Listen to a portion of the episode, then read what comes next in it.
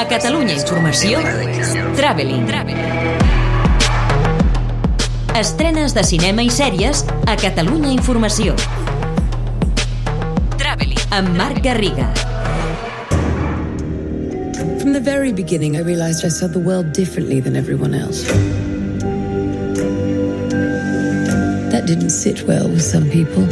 Disney estrena la seva pel·lícula més ambiciosa en anys per explicar els orígens de Cruella de Vil. Emma Stone interpreta una noia òrfana amant de la costura en una barreja del Joker de Joaquin Phoenix i la Harley Quinn de Margot Robbie, fosca, irreverent, llunàtica i empoderada, potser massa poc malvada, que lluitarà pel tron del regne de la moda contra una malèvola, aquesta sí, gran Emma Thompson.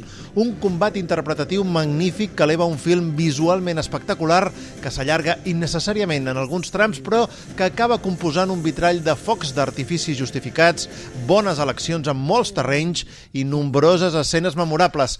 Caòtica, punky i alhora elegant, divertida, tendra i redemptora.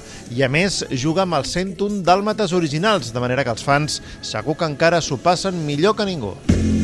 Ladies and gentlemen, we have a new addition. H.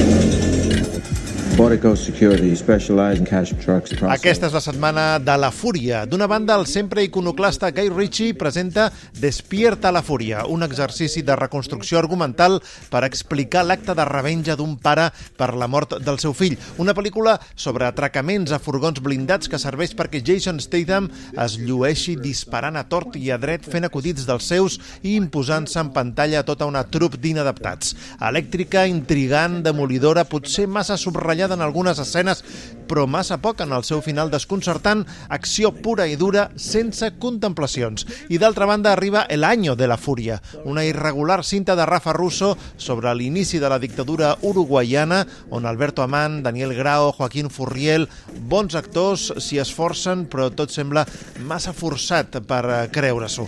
Interessant, però fallida. You're going with me or without me?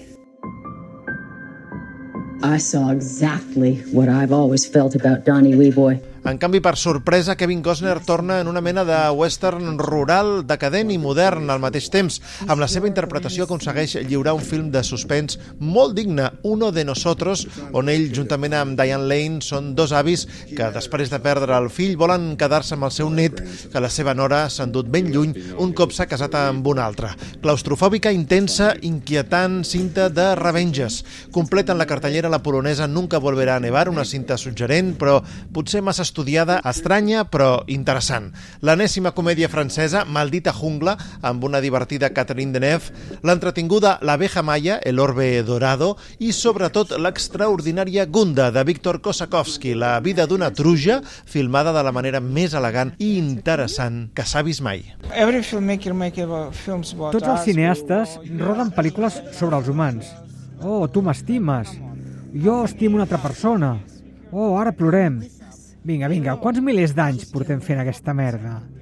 Coneixem com a màxim un 4% de la realitat. Per tant, la realitat va més enllà. I jo m'estimo més filmar el que no coneixem. I de vegades, de forma ridícula, és davant dels nostres ulls. Listen to me. This meeting is completely unofficial. En plataformes destaca l'estrena d'Oslo amb Ruth Wilson i Andrew Scott que narra com es van aconseguir els acords de pau de la capital noruega entre israelians i palestins el 1993. Un tour de force negociador esgotador però molt ben retratat en aquest film que arriba el dia 30 HBO. I a Disney Plus trobarem Launchpad, una col·lecció de curtmetratges dirigits per cineastes d'arreu del món que comparteixen la seva perspectiva i la seva visió creativa sobre el tema Descobrir. Rebels on a tear. It's always fun to watch. Pel que fa a les sèries, la mateixa Disney Plus porta Rebel, una sèrie que s'inspira en la vida d'Erin Brockovich en l'actualitat, la dona que va revelar amb la seva obstinació un cas de contaminació massiva a Califòrnia, un paper que va interpretar Julia Roberts al cinema. Ara és una advocada sense títol, divertida, desorganitzada, impulsiva, enrauixada i brillant. La interpreta la mare del clan de Sons of Anarchy, Katie Sagal, que està acompanyada d'Andy Garcia i John Corbett.